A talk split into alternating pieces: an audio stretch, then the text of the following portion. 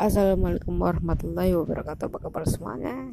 Selamat datang kembali di channel Pramudia Pangestu Dan pada podcast kali ini kita akan Berbincang-bincang tentang virus corona. Dan bagaimana sih cara menanganinya? Oke. Di sini kita bisa menggunakan hand sanitizer ataupun masker jika Anda sakit.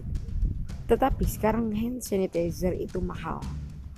Harganya di kisaran di atas 50 ribu rupiah.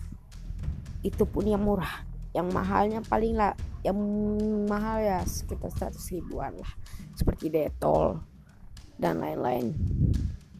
Atau antiseptik ya. Oke okay. pada video kali ini pada podcast kali ini jangan pernah mudah pada suara memberitahu bagaimana sih cara membuat